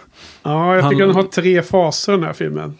Ja, Den Okej, första ja. inledningen är ju thrilleraktig. Jag tycker den är, verkligen. den är nästan vidrigt spännande eller vidrigt hemsk. Mm, med de här eh, mystiska försvinnanden. Exakt. Ja, Ja, och verkligen. mamman som går och väntar med Mm. lunchen. Och Ja, den scenen, den sekvensen Ja. är ju så jävla... Slår hårt. Ja, verkligen. Ja. Och när, när de filmar liksom eh, den här bollen och hennes ballong. Typ. Mm. Men aldrig... Det är inga, mord, inga lik Nej. i filmen någonsin. Men det behövs ju inte. Det, Det det här blir ju mer Ja. dramatiskt liksom. Ja, mer smärtsamt liksom. Mm. Mm. Ja, precis. Det är ju den första, första av hans filmer som användes tal. Mm, ja, exakt, exakt. Det var det första. Vi, vi smyger oss in lite på tal, talfilmseran. Ja, Var det vi... och, eh, så det var, det var, var det talfilm som var ämnet eller vad var det? Ja, precis. Okej. Ljud i film och vi pratade om utvecklingen och olika system som fanns. Ja, Och så tydligen så var det de små studiosarna som började satsa på talfilm. okej. För de stora var för rigida, de ville bara fortsätta med det de Ja, visste, men de små började utvecklas. Och så det var de, de små, det var typ Fox. alltså, ja men de var små på den tiden. ja, exakt. Alltså lustigt för att det är precis så som det beskrivs i Babylon. Mm. eh, Den filmen ju. Från 22. Där de beskriver den här eh, eran där man går från eh, stumfilm till talfilm. Mm. Precis så beskrevs det där. Men det är lustigt här hur han använder väldigt mycket ljudeffekter. Ja. Bilar som Ja. tutar och folk som hörs, som gör olika saker. Så smäller. Själva och så. visslingen är ju central i Ja, i storyn. visslar den här eh, Per Gynt eller Ex, vad det är. ja, den här eh, Bergakungens sal. Ja, just det. Vad fan han heter. Ja, det är nog den Mm. musikstycket. Men, eh, men sen talad dialog är ju också ganska mycket. Men inte Mm. i hela filmen därför att det var tydligen så himla dyrt. Ja, Så att där fanns det en ekonomisk begränsning för Fritz Lang. Så att han... Den blir mer tyst mot slutet tror jag det är. Eller sånt där. Eller det finns partier i alla fall. Som, ja den är, Om- den är ganska man- tyst i mitten. Ja, det kanske är i I mitten, slutet när i den här rättegångs... ja de Då är skriker på Ja, mycket skrikande. Exakt. Ja, ja, men så är det. Exakt, Mm. exakt. Men jag läste i alla fall på, på internet något om att han var tvungen att prioritera bort liksom, vissa Mm. delar. Och då blir det liksom, då blir det helt tyst istället. Ja, exakt. Vilket blir nästan lite så här eerie och lite så här weird. Och Ja, lite verkligen. oro. Man blir orosfylld ändå. Bara för att nu är det helt tyst helt plötsligt. Ja, exakt. För det är någon scen där det är, liksom, det är verkligen helt, helt tyst. Det är in, inte ens något så här... eh, Ingen, bakgrund, In, inget inget bakgrundsljud. Nej, Nej. exakt. Helt Ja. tyst bara. Ja, Måns slänger sig på och startar ett album. exakt. Snabbt som fan, 30 sekunder tystnad, nu kör vi. Ja, Nej, men eh, jag tycker, på tal om det här med ljudet, jag tycker verkligen den kändes fett modern. I hur, alltså hur ljudet, för att vara liksom en tidig ljudfilm så, här, mm. så var det ju flera grepp som kändes väldigt avancerade och liksom finslipade. ja Ändå. är, är den bra gjord eller? Hade han, eh, hade han skills, Fritz Lang? Ja, det tycker jag verkligen. Ja. Jag tyckte den här var väldigt eh, ja, men, trevlig upplevelse att kolla på. Bara precis i början typ så är det liksom den, den öppnar med att man hör ljudet av barn som leker. Men Ja. skärmen är svart. Ja. Det är ganska vanligt att det, att det händer. Alltså, det är ganska vanligt Används, använt används nu. än idag ja. Ja, precis. exakt. Och, att, att han, och sen när han panorerar upp till den här eh, mamman som skriker på dem. Och så hör man barnen börja sjunga igen. Att han Ja. inte, liksom det är off-screen sound. On Ja, ja. Alltså det är väldigt mycket. Och det har ni läst om då? Ja, det har exakt. ni lärt er om? Ja, precis. Ja, men jag tyckte den var väldigt eh, engagerande på det Ja. planet. Och en av de här filmerna, liksom, typ alla de här filmerna vi har sett har ju varit, ja men den var cool tekniskt. Ja. inte mycket mer än så. Men, Check exakt. Check, checkar jag. Men, men den här var faktiskt liksom, snyggt tekniskt. Och Ja. att, liksom subtilt. och den, och- den är också snyggt fotad va? Med mycket Ja, med skuggor och exakt. det här svartvita, det här liksom expressionistiska fotot. Mm. Gissar jag. Ja. Måste man kunna ge den va? Ja, verkligen. Jag tycker hela den här miljön är också ganska häftig. Den här stan. Ja. Med olika. Jag undrade, jag funderade lite på om det var kulisser. För ibland så kändes det nästan, alltså, fake. Men kan det inte vara både och då? Jo, jag Att det tror det. var både i ja, Berlin eller Mm. vart det nu kan det ha varit. De spelade in det här 30-31 någon gång. Hur det nog såg ut då. Före Mm. andra världskriget. Eller det kan också ha varit kulisser. Ja, jag vet inte. Mm. Jag har inte läst något om det. Men eh, vad tycker du om eh, tematiken i filmen och allt det där då? Ja, alltså, det här var verkligen... Jag tycker det var as, ashärlig film. Ja, Riktigt cool på alla sätt. Och eh, jag blev verkligen liksom såld in i hela världen och eh, temat och ja allting sånt. Jag tycker det var svinnice. Eh, håller med. och det här med... Ja, men bara storyn, att den var faktiskt engagerande och Ja, men lite utmanande ändå. exakt, va? lite utmanande, I, sina, I sina moraliska dilemmat liksom. Mm. Med en eh, patologisk eh, pedofil och barnmördare. ja, Som fan. själv säger att jag kommer aldrig kunna sluta. Och Nej. ska, sk- dödsstraffet eller inte liksom. Ja, är, det, exakt. är det på plats? Ja, exakt. Men det där tycker jag också är intressant att du sa pedofil. Det är ju inte explicit i filmen. Nej, men det är väl underförstått. Exakt, jag, jag tyckte verkligen det. Jag diskuterade med några klasskamrater om det. De tyckte inte att den var, att det var en sån eh, stämning. Men jag tycker verkligen att han känns som att han gör hemska saker med Det låter, att styckmörda barnen. Och, alltså, så ja, det låter som att de inte riktigt vill ja, förstå det. Ja, Eller? kanske det. Säkert. Eller De är lite... naivt. Nej, jag eller vet inte. är det vi som är eh, Vi är brutala, av, av, hemska. avtrubbade? Ja, exakt. Nej, men, jag vet faktiskt inte, men jag har- tyckte- Sa de aldrig det. då egentligen? Alltså det är en... De sa, de sa- sa kindermördare. Ja, exakt. Ja. Och Det är någon där de säger typ här, ja, men hur, hur vi hittade kropparna typ. Som att han har liksom Ja, brutaliserat dem. okej. Eller att de inte vill visa föräldrarna hur de hittade kroppen typ. Ja, det är någon sån scen. Och då, där tyckte jag att det det var- kan ju vara, vara olika grader då. Det kan vara styckmord och allt möjligt ja, som kan vara exakt. för hemskt. fruktansvärt. Men liksom, jag tyckte också att folk på gatan när, när, när de eh, gav sig på någon eh, felaktig, Mm. någon oskyldig som bara skulle säga vad klockan var. Även om de gav sig på honom sen då när det väl var han, eh, vad nu hette. Men det är ju Peter Lorre som spelar den här rollen Mm. för övrigt. Då så tyckte jag att det var hela tiden i den tonaliteten var Ja. ju att han var en, Sånt han var en, monster. en ful, ful gubbe liksom. Ja, exakt. Ja, det, det jag kändes verkligen. som var troligt, att det var ganska tydligt för mig. Liksom... Eh, det är som en, liksom, det är ju än idag, jag menar, skulle du eh, vara en äldre herre liksom och hjälpa ett, Ja. en ung eh, liten flicka, då skulle du kunna lätt bli anklagad för samma sak som han den oskyldiga i den här filmen. Ja, Eller hur? verkligen. Ja. Och det är ju liksom, gör att det blir så otroligt tidslöst det här. Ja, men jag tycker den var väldigt tidslös överlag. Och det här med mobbmentaliteten. Ja, men den blir ju jättetydligt. Ja. Ja. exakt. Men där kände jag, det var väl ändå ganska nytt på den talen. Alltså på, eller folk hade väl koll typ. Men Freud var ju igång Det var väl inte ganska nytt. 1800... Nej, Vad, men, vad höll man på med på 1600-talet med ja, brände häxor och så här? jo, ja, men exakt. värsta ja, men, ja, exakt. Själva mobbmentaliteten är ju inte ny. Men det här liksom utforskandet ändå, de här psykologiska fenomenen och så känns ändå ganska... Ja, det är Det, absolut. det tror jag var medvetet för att det var ganska relevant och Ja. eh, på tapeten då. Och inte minst med nazism. Ja, den, framväxten, Den, den var, liksom. 31 det var liksom i början där. Och Mm. man tror jag läste på internet om att den, blev, den släpptes 31 och sen blev den förbjuden i Tyskland av nazisterna 33 va? Mm, det kan Och så, flydde, så flyttade Fritz Lang till USA då. Mm. Ja. För Det, det var ju verkligen paralleller där tycker jag med hur de, liksom ett samhälle som söker en syndabock och går på. ja, ja. Liksom, och det är de här nazisterna och judarna och, ja, precis. och liksom hela den. Men, men på ett sätt så känns det ganska skönt att det inte var en eh, judisk förövare. För då hade det liksom Ja. förtagit lite av filmens Ja, elegans. verkligen. Eh, För nu var det liksom, nu kan man inte sätta en sån aspekt på hela den här problematiken. Liksom att, att blandas ihop så här. Nej, exakt. Den är, den är ju för sig själv också nu. Liksom. Den är sin egen. Men det var ju lite samma retorik med att de kallar honom omänsklig. Och, Ja, absolut. och Ja, det är liksom ja, väl, men det- väldigt Just för att han inte var judisk man. Exakt, det blir- Eller som man kan göra den Ja. här jämförelsen. Exakt. Var det någonting ni pratade om i skolan eller? Eh, inte, eller ja exakt, vi, vi diskuterade lite på föreläsningen. Inte, skulle egentligen inte prata om det. Jag sa, eller vad man ska säga. man nej, nej, det fick man, men vi, vi skulle prata mest om eh, eh, ljudet i filmen. Ja. För det ska ju vara... Sen, Du får inte prata om de Nej, intressanta sakerna. Nej, exakt. Det bara, nej, jag tyckte det var lite irriterande Fan. faktiskt. Ja, det var lite så här... Ja, nu får vi ha en kort diskussion om det och sen gå tillbaka till ljudet. Och då var det ingen som hade något att säga om ljudet sen. Så då, då så Alla satt och funderade på eh, intressanta inlägg i den här Ja. diskussionen. ja men typ.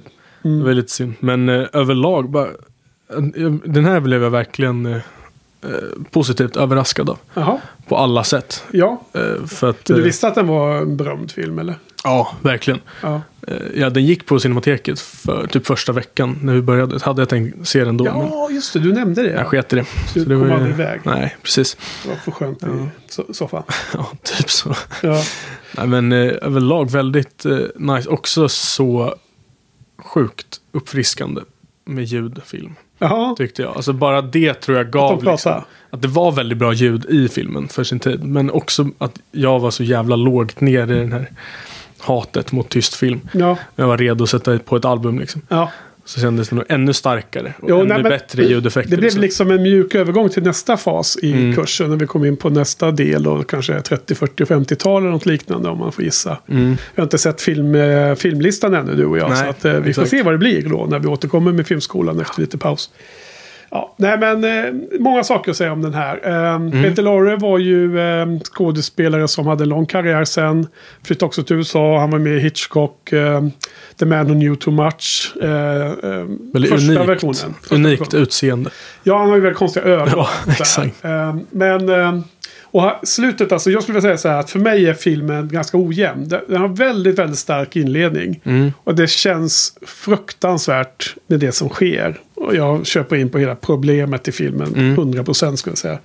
Men sen så tycker jag att den är ganska långtråkig i mitten. När det blir liksom en pro- polisprocedur. Och de ska hålla på och reda ut det här. Och, och hålla på. Det Ja. blir inte så himla roligt hela tiden. Men sen kommer ju den sista akten då. Från och med att han egentligen blir det här eh, ikoniska. Den här luffaren sätter eh, kalk i sin handflata. Som ett M. Så han kan liksom märka mördaren. Mm. Med murderer. På axeln. Så att alla andra kan följa honom då. Och han gömmer sig i det där. eh, tomma stora höghuset då med kontor. Mm. Och slutet där och den där... ja, all, de här scenerna, framförallt då när han blir liksom ställd inför rätta av eh, maffian där då. Som Ja, då, för att bli av med polisens eh, eh, finkamning av staden efter mördaren. Den, eh, det är ju helt otroligt bra. Och där är ju Mm. Peter Lorre helt magisk. Mm. Han är så eh, vass, alltså så bra att eh, förmedla hela den här eh, ångesten, smärtan, ångern men också insikten om att han, han är den han är. Han har Mm. något odjur inom sig som han aldrig kan bli av med och sådär. Och han kan inte... Han kan inte rå för det här säger han och så då. Ja. Vilket egentligen bara eldar på den här eh, eh, blivande nazisten. Han som är den här chefen för de här eh, bovarna med den långa svarta rocken. Han fick något fint jobb sen i Ja. nazistorganisationen ju. Såg på Wikipedia. Han såg ut som nazist redan innan. Exakt, väldigt arisk. Ja, lång svart. Polisiär, ja precis. Men, men jag tycker den avslutningsscenen är ju fantastisk. Mm, verkligen. Men jag tycker han, nazisten, gör en ganska bra insats där också. Ja, men han Hans var ju röst, är- ja. Ja, Hans, eh, att de använder det här i samband med Peter Lorre, att de använder ljudet just. Mm. Hans skrik och plågade röst. ja han, han var ju så... Man, jag köpte hans karaktär 100%. Mm. Tyvärr så gjorde jag de flesta det. Så att han... Eh, jag läste på Wikipedia att han hatar den här filmen till Mhm. slut. För att han blev bara liksom sedd som en... Eh, Som Barnmördare. ja, okej. och typ pedofil. ja, Eh, i, senare läge. i sitt liv. mm. Att, att det är lite som... Du vet Draco Malfoy. Han slutar väl filma. Mm. För att han kunde liksom inte Han där skaka, skaka, sig loss från, från, från Draco i Harry Nej, Potter-filmerna. Ja, men det är också, han har ju så unikt utseende med de här jävla obehagligt utstickande ögonen. Så, Ja. så Vi ska se den ganska lätt. första... um, Hitchcock gjorde ju faktiskt en, re, en remake av sin egen film. Så Ja. han gjorde ju en The Man Who Knew Too Much från 30-talet och en från 50-talet eller något Mm. liknande så. Eh, och den första är Peter Lorre med då. Och spelar skurken. Mm. Den är riktigt nice. Och den andra är också nice för där är ju James Stewart med. Men den är, inte, den är lite mer soft. Ja, okej. Ja. ehm. sen så tycker jag att det är ganska kul att ehm, jämföra det här med här The Zodiac Killer. Ehm, känner du till det här eller? Mm. Det finns ju också en, en Ja. Fincher-film som heter Zodiac. Zodiac med massa kändisar. Eller Ja, det är väl... eh, Robert Downey Jr. och... ja, men det är Eller jag tänker fel. Gyllenhaal. Ja, men exakt. Men jag tror att det är... Nej, jag kanske tänker fel. Jag tänker kommer inte någon... ihåg vilka det är mer än uh, Gyllenhaal. Nej. Nej. Men i alla fall, jo men det var 1968-69 i San Francisco-området som eh, de hade The Zodiac Killer som Mm. eh, attackerade sju offer. Varav fem blev mördade. Jag tror att han både knivade dem och sköt dem lite olika hit och Ja. dit. Och sen så höll han på att jäcka polisen och massmedia och satte ju hela stan i skräck. Och han skickade in, jag tror det var fyra olika chiffer som Mm. blev publicerade och som skulle då lösas. Och två av dem löstes. Och jag tycker att det var lite samma style i den här M. Mm. Det var inga chiffer förvisso. Man Nej, skrev, de här, skrev det här Ja. brevet och han liksom... eh, Det var som en rop på hjälp nästan. Att eh, dels liksom häckla polisen, ni kan inte ta mig. Och dels... Alltså nu jä- jämför jag lite med Zodiac. Mm. Liksom, att det nästan skulle kunna vara en inspiration från den här filmen. Liksom, Ja. Att det är en mördare som eh, kanske liksom ber om hjälp. Jag vill bli tagen Ja, ungefär. precis. Men då måste ni eh, lösa det här. Exakt, får jobba lite för det. Och det här med Zodiac Killer är ju aldrig löst. Än så länge i alla fall, så vitt jag vet. Och jag tror att man, man stängde utredningen för du hade inget mer att utreda. Och sen Mm. öppnade man det igen någon gång. Typ ganska nyligen. Mm. Jag vet inte vad det senaste är. med det. Nej, Ted Cruz. Tror jag, amerikansk politiker. Det är han som är Zodiac Killer. Alltså, Har jag läst på internet. Ja, jaha, är det på... vilka forum är det? det ja det står så. verkligen. Jag vet inte. Flashback liksom. Ja, ungefär. Men uh, okej. Vadå, var, det, var det en teori på, på riktigt eller? Ja, men jag tror det. Ja. Han var aktiv i området. Jaha. Just den tiden. Nej, jag vet faktiskt inte. Men det är någon meme att han... Ted Ja. Cruz is the Zodiac Killer. det eller låter, vad det nu är. låter osannolikt, men Ja, vad, vet jag? Verkligen. Nej, men jag bara, bara tänker på att men, så fort du har någon politiker, oavsett vilken eh, kant man är på, så får man väl sån Då får man typ av- allegations. Ja, då får man Ganska väl sån. grov allegation. det. Det är väl ganska lätt hänt Ja. att det sker åt båda hållen, Ja. gissar jag. Ja, okej. Nej, men... Eh, M. Jag kan bara säga att jag tycker det är jättesynd att inte ni fick se Metropolis Mm. av Fritz Lang. Ja, jag håller, håller med. Jag googlade lite på den. och kollade. Vi kollade på ett litet klipp ju förut. Och nu såg vi någon bild av den här eh, plåtdamen. Ja, Typ. Och den verkar ju Maria. cool. Ja, Jag tror hon hette Maria, om Ja. jag kommer ihåg rätt. Det var länge sedan. ja, men så den tror jag att jag ska eh, robotkvinna. ta initiativ Ja, själv och se. den är lång också. Storslagen. Ja, Eh, jag kommer inte ihåg om det är ljud i den. Det borde det vara. ja, Det känns så. ja säkert. Kommer inte ihåg. Nej, Men eh, ja, eh, eller inte. Nej vi får se. Ja, kommer faktiskt inte ihåg. Eh, men eh, eftersom de valde den här och han pratade om ljudet så kan det ju vara så att det var en renodlad stumfilm då. Mm. Met- Metropolis, det kanske är mest troligt. Det finns kanske Ja. någon hysterisk orkestermusik som spelar hela tiden istället. Exakt. Ja. Nej men en, en sak som jag tänkte på. Jag undrar hur den versionen du såg. För att i våran version, dels så var det ju ganska hög volym. För det var ju på bion där. Ja. Men diskanten var alldeles för högt. Ja, men det har du nämnt det tidigare. Var, ja, Det är väl något fel inställningarna i, Ja. i den eh, salen. Ja men typ, för den här visslingen blev liksom jobbig i huvudet. Den blev inte för Ja. höga. Det var snarare Nej. så att jag knappt hörde den. Jaha, ja men då är det nog... Alltså inte knappt hörde, Nej, men att det var lågt. Eh, vad heter det? Det var nedsatt i mixen ganska lågt. Ja. Men det kan ju bero på mina. Jag har ju Mm. surround-ljud. Då kan det vara lite lätt. Kan vara helt olika. Ja, inte lika perfekt inställda. Och, och, eller lite för lite här och lite för mycket i den Mm. salen du sitter i. Det handlar väl om att man ska ha högt på där man normalt sett hör talet. Ja, Och sen så kanske de eh, med de visslingen är extra högt för att det var så gammal film som man inte hade vett att, att göra det med rätt nivåer kanske. Nej. Bara vet jag. Spekulerar. ja, något vi snackade om så här. Ja, men, jättekänsliga mickar på den tiden. Och de kunde ju inte mixa ljudet heller. Det var ju bara som det var liksom. Ja, Det fanns inget att göra. det är också en scen om det i Babylon. Det var så Ja. roligt. Ja. De här gamla, gamla riktiga problemen som Ja. fanns. Eh, Exakt, ja, vi har kollat på klipp från uh, Singing in the Rain. Ja, Som ju jag om handlar... detta också. Ja, exakt. Det handlar just om det. Hon, eh, hon har fruktansvärd röst. Ja. Hon kan inte prata in i mikrofonen. De gömmer den i en de, buske. ja, exakt. Och sen, sen in i henne som någon stor blombukett på, Ja, på klänningen. Och folk drar ur sladdarna och det blir så jävla dåligt och folk bara skrattar. ja, ja. Så det är ändå... ja precis. Det, det är Babylon och Singing in, the Rain täcker Mm. över vissa samma, eh, samma saker. Mm. faktiskt. Ja. Eh, men har du sett den ännu? Eller jag har ju tipsat dig om den va? Babylon. Ja. Nej, inte sett den. Nej, du får ta den. Men det, det kommer. Eh, ja, men uh, var vi klara om den här filmen eller? Ja, skulle jag säga. Ja, men intressant. Vad, vad har vi för någon betyg på en sån då? M. Ja, det var en trea för mig. Mm. En stark trea. Ja. Du då? Nej, men jag säger också 3 av 5. Ja. Jag tycker att den är bra. Men den är inte jämn nog för att det ska höjas till 4. Nej, nej exakt. Jag tror inte... Den har inte så liksom... Ingen personlig... Alltså det blir inte... Jag får ingen stark eh, känsla riktigt. Nej. Jag tycker den är ganska bra att kolla på, men inte så här... Jag, jag tycker den är så snygg, den är historisk, den har liksom vissa sekvenser, inledningen och slutet som är riktigt skarpa. Mm. Sen har de den här polismannen Låman. Som blev så populär så han återkom ju den här Dr. Mabusos testamente. Som jag faktiskt har sett som Mm. kom i tidigt 30-tal. Då spelar han samma karaktär. Jaha, ja, det finns ju en absurd eh, scen där man, han filmar rätt upp i hans skrev. Ja! Där.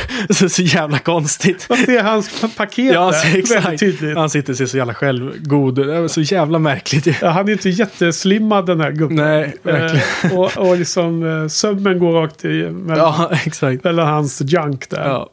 Ja, men det var väldigt roligt att eh, varför behålla det? Liksom? Ja, ganska utdragen scen också. Han Det- sitter ja, ganska länge och pratar. minuter var det. Ja, exakt. Kändes det som. Ja, Ja, det var helt ganska galet, kul faktiskt. Helt crazy Ja. Men eh, jag tycker han var, han var liksom eh, trevlig. Men det är ju inte som en sån karismatisk mordutredare som man, Nej. man har sett i annat liksom. Det, det krävs lite mer för att det ska bli fyra Ja. för mig. Bra, men du, då har vi gjort alla fyra idag. Ehm, och då har vi några saker kvar då. Och då tänkte jag fråga dig om du hade lust.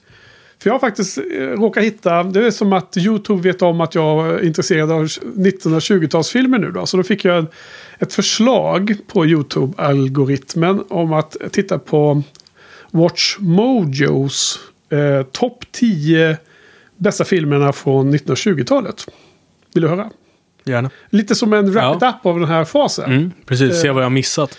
Se vad jag har täckt in. Ja, lustigt att jag har sett alla utom en. Ja. Så att det här är då, de beskriver det som att det är bra filmer och det är kvalitet men det är också populära filmer och Mm. välkända filmer. Så det är inte bara liksom de artistiskt bästa filmerna eller de som Nej. är mest lämpade för att visa på filmskolan. Utan det är liksom ett slags, det här är de filmer man bör känna till. Mm. Det är nog, verkar vara Lite deras- folkligare än... Ja, det, deras Vad vi gör, ja. av det här. Då. Så att eh, på tionde plats har de The Passion of Joan of Arc. Mm. Och den har vi ju inte sett, men jag såg den och eh, den är klart värd att se för den är väldigt speciell Ja, i, den har vi sitt, pratat i om sitt uttryck. flera gånger. Och sen, okej, ja, så jag har i alla fall nämnt Ja. den där då. Den, den- den är inte, du behöver inte prioritera den nummer ett, Nej. men du skulle absolut kunna se den Mm. någon gång, för den är, den är nog så känd. Num- Nionde plats, The Cabinet of Dr. Caligari. Den såg vi ju. Den såg vi. Med alla den här eh, kubistiska, de här Exakt. konstiga miljöerna med de här eh, eh, konstiga formerna. Och, Konstiga formerna, exakt. och Kulisserna. perspektiverna. perspektiv, ja. åttonde plats, Sunrise, A Song of Two Humans. Vi pratar om idag. Den gillade jag mer än du, men inte... Men båda gillade lite i alla fall. Och sen sjunde plats, Battleship Potemkin. Mm. Det är ju samma som gjorde Oktober, Eisenstein. Och den har jag sett. Tyckte den var svintråkig, men den har en ikonisk scen Ja, med den här trappan. exakt. Och det har ni också sett va? Den scenen har vi sett. Ja, Eh, Det var inte jätterafflande. många gånger. Ja. Nej, den. Sen då på sjätte plats, det är den filmen jag inte har sett av dessa. Det är en film som heter The Jazz Singer. Mm, den har vi pratat om. Det är den första som hade ljud tydligen. Ja, Eller? det är exakt. Det är lite up for debate. För att de hade lite olika sätt att spela in ljud på förut. Så det var inte en... en eh, det var ingen, en Clean cut. Exakt, det var ingen clean cut. Utan det var en gradvis Ah, okej. utveckling. Men den har vi pratat om. Den var ju svinmärklig. Den handlar ju om... Alltså hela plotten är att han är i blackface. Ja, Och en vit kille ja. Exakt, han är en jude som balanserar sin teater, eller sin scen, scenpersona som är en svart person. ja. Och sin judiska, absurd, väldigt eh, så här, tids... Frikostlig Fast. manus. Ja, Ja, okej.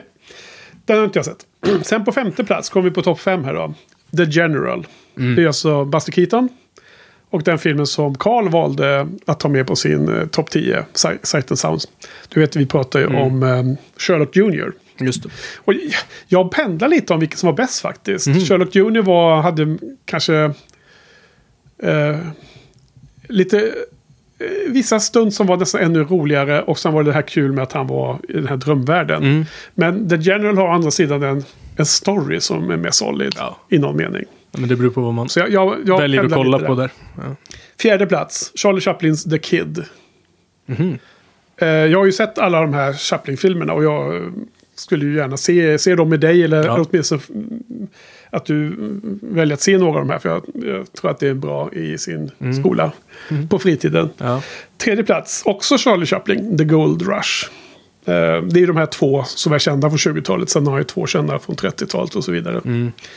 Eh, så det har de ju fått med högt upp. Och jag tycker att det är, eh, det är bra val. ja, det kanske vi ser nu kommande. Om han ändå gjorde film in på. Va? Han gjorde ju ändå film vidare. Ja. Så vi kanske ser någon, Charlie, någon Chaplin här. Ja, Från men- 30-40-talet. Ja, är inte- problemet är att på 30-talet gjorde han två filmer. City Lights och Modern Times. Som båda de är stumfilmer. Han Ja. bara sket i att det Ja. gick att filma. Ja. Och hans eh, lilla gubbe då, The, The Tramp, eh, talar liksom inte till publiken. Sen 1940 Mm. gjorde han ju en antikrigs antinazistfilm som heter The Dictator. Mm. Och då pratar ju The, The Tramp, så det är sista filmen. Han, han offrar honom för det Ja. viktiga budskapet. Politiska, ja, Ja. Så att den är, den är väl värd att se, men, men det är de här tidigare filmerna som jag tycker är hans crème de la crème. Just. City Light från 31 eller vad det är, den är Mm. bäst. Men det, det är en stumfilm, så jag, jag skulle bli förvånad om de, om de kastar in stumfilmer nu när ni äntligen kommit in Ja. i talfilmens era. Exakt. Förresten så ljög jag, det var ju två filmer jag inte har sett. För att på andra plats på listan så är det en film jag inte har sett heller. Och den heter Nosferatu, A Symphony of Horror. Mm. Och det är liksom vampyr-storyn. Eh, så den har jag inte sett. Den verkar också vara väldigt suggestiv och Ja, expressionistisk. exakt. Är inte den också? Jag tror att den är av någon regissör. Som jag. Murnau, Ja, det är Murnau kanske. Ja. Den har vi Ja. pratat om också. Ja, den Såklart. också. Och sen nummer ett, Metropolis. Mm. Så den fick ni inte se. Den missade vi. Jag Jävla synd. Istället. Ja, tvungen. Eh, Hemska. Ja, och eftersom jag ändå är inne på det här med listor och så, för det, det tycker jag är härligt och trevligt. Med listor. Ja, generellt Ja. sett. Ja, ju- Ja, det är en bra grej.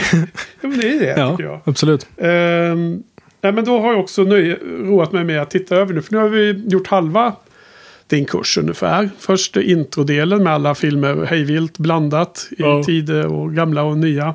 Då såg vi 11 filmer. Och sen har vi sett 11 filmer, om vi tar bort kortfilmerna så har vi sett 11 filmer under stumfilmseran också. Mm. Så jag har sett nu 22 filmer av ungefär hälften av det vi kommer Ja. att se, gissar vi. Och då så skulle jag bara eh, höra om du ville veta vilka av dessa som vi nu har sett ändå, som du och jag har pratat om, som också kom med på Sight and Sounds. Ja. Topp 250. Ja, det är intressant. Se vad vi lyckades.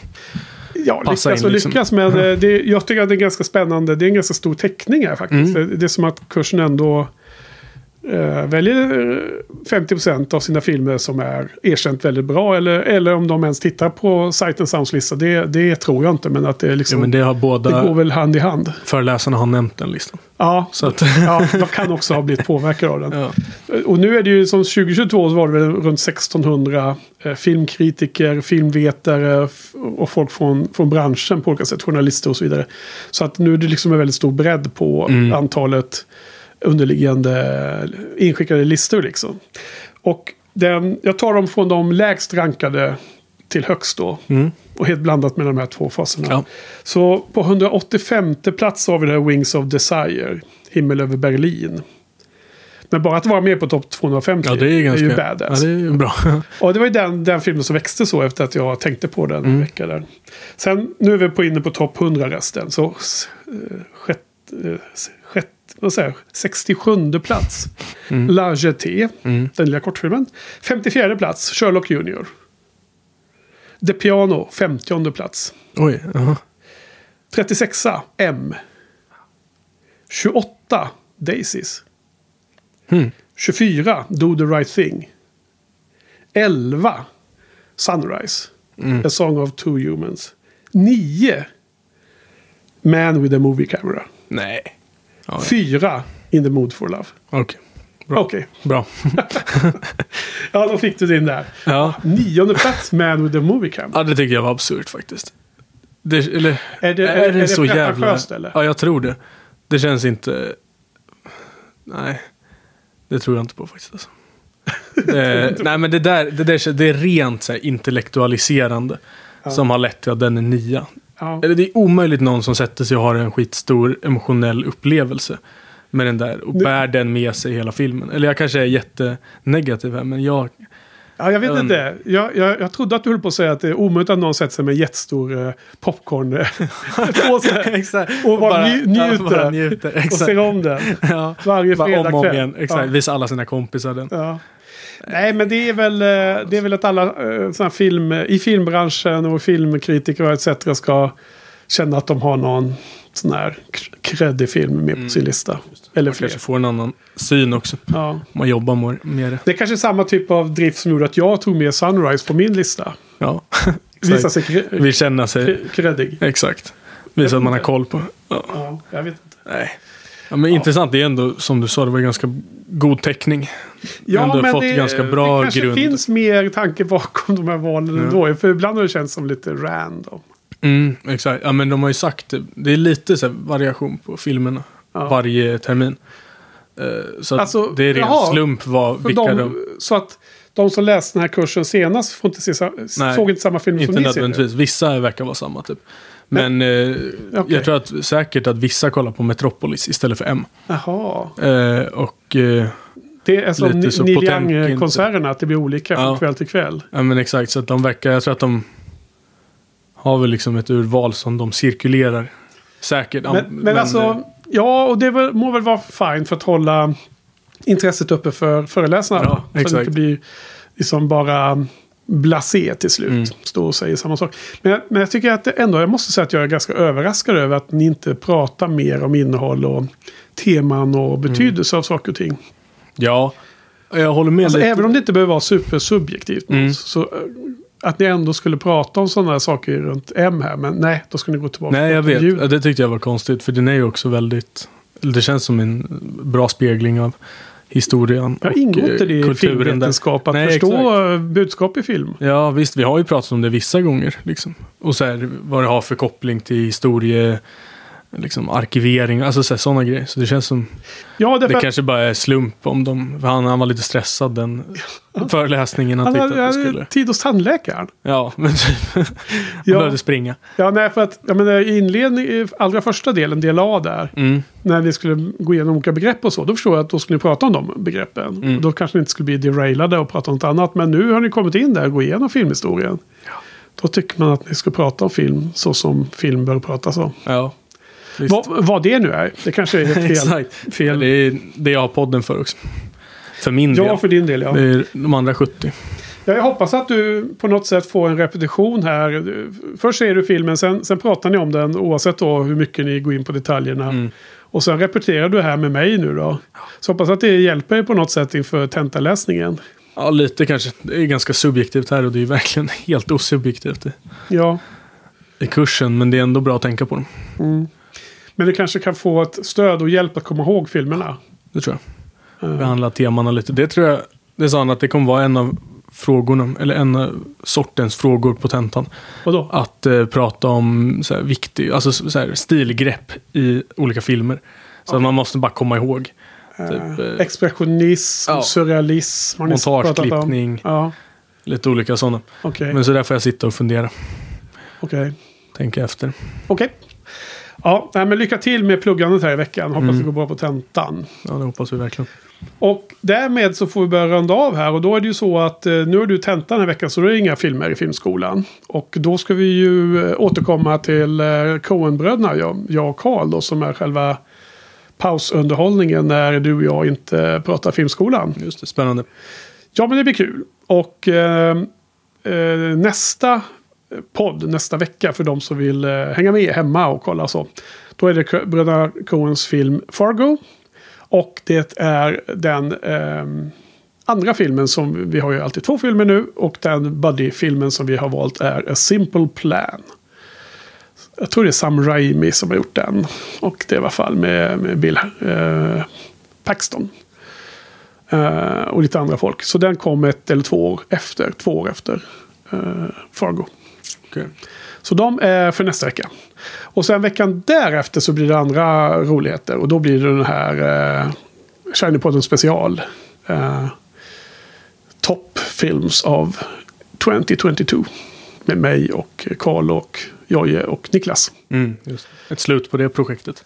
I, ja, det, det här är alltid pågående. Ja, det är det konstant. 2022. Ja, ja, du Exakt. menar med mitt eh, projekt, Ja, med ditt projekt, att eh, se, exakt. se, klämma in alla filmerna Mm. mot slutet där som man vill kunna få med Ja. på listan. Absolut, då, då blir det liksom eh, mer... Eh, sen kan man ju se filmer från det här året ändå liksom i framtiden och, och sådär. Och helt plötsligt poppar upp någon film som man ser i framtiden som borde haft en plats. Men så är, så är the name of the game. Man drar ett streck i sanden och så kan man ha en lista som gäller Mm. för nu i alla fall.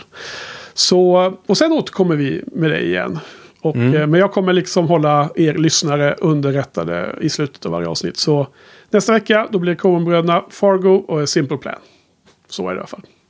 Men du, då är vi klara för idag va? Ja, Och då ska vi eh, önska lycka till med pluggandet. tack så mycket. Och eh, så får vi höras. Då är vi klara. Det gör vi. Ja. Bra. hej hej!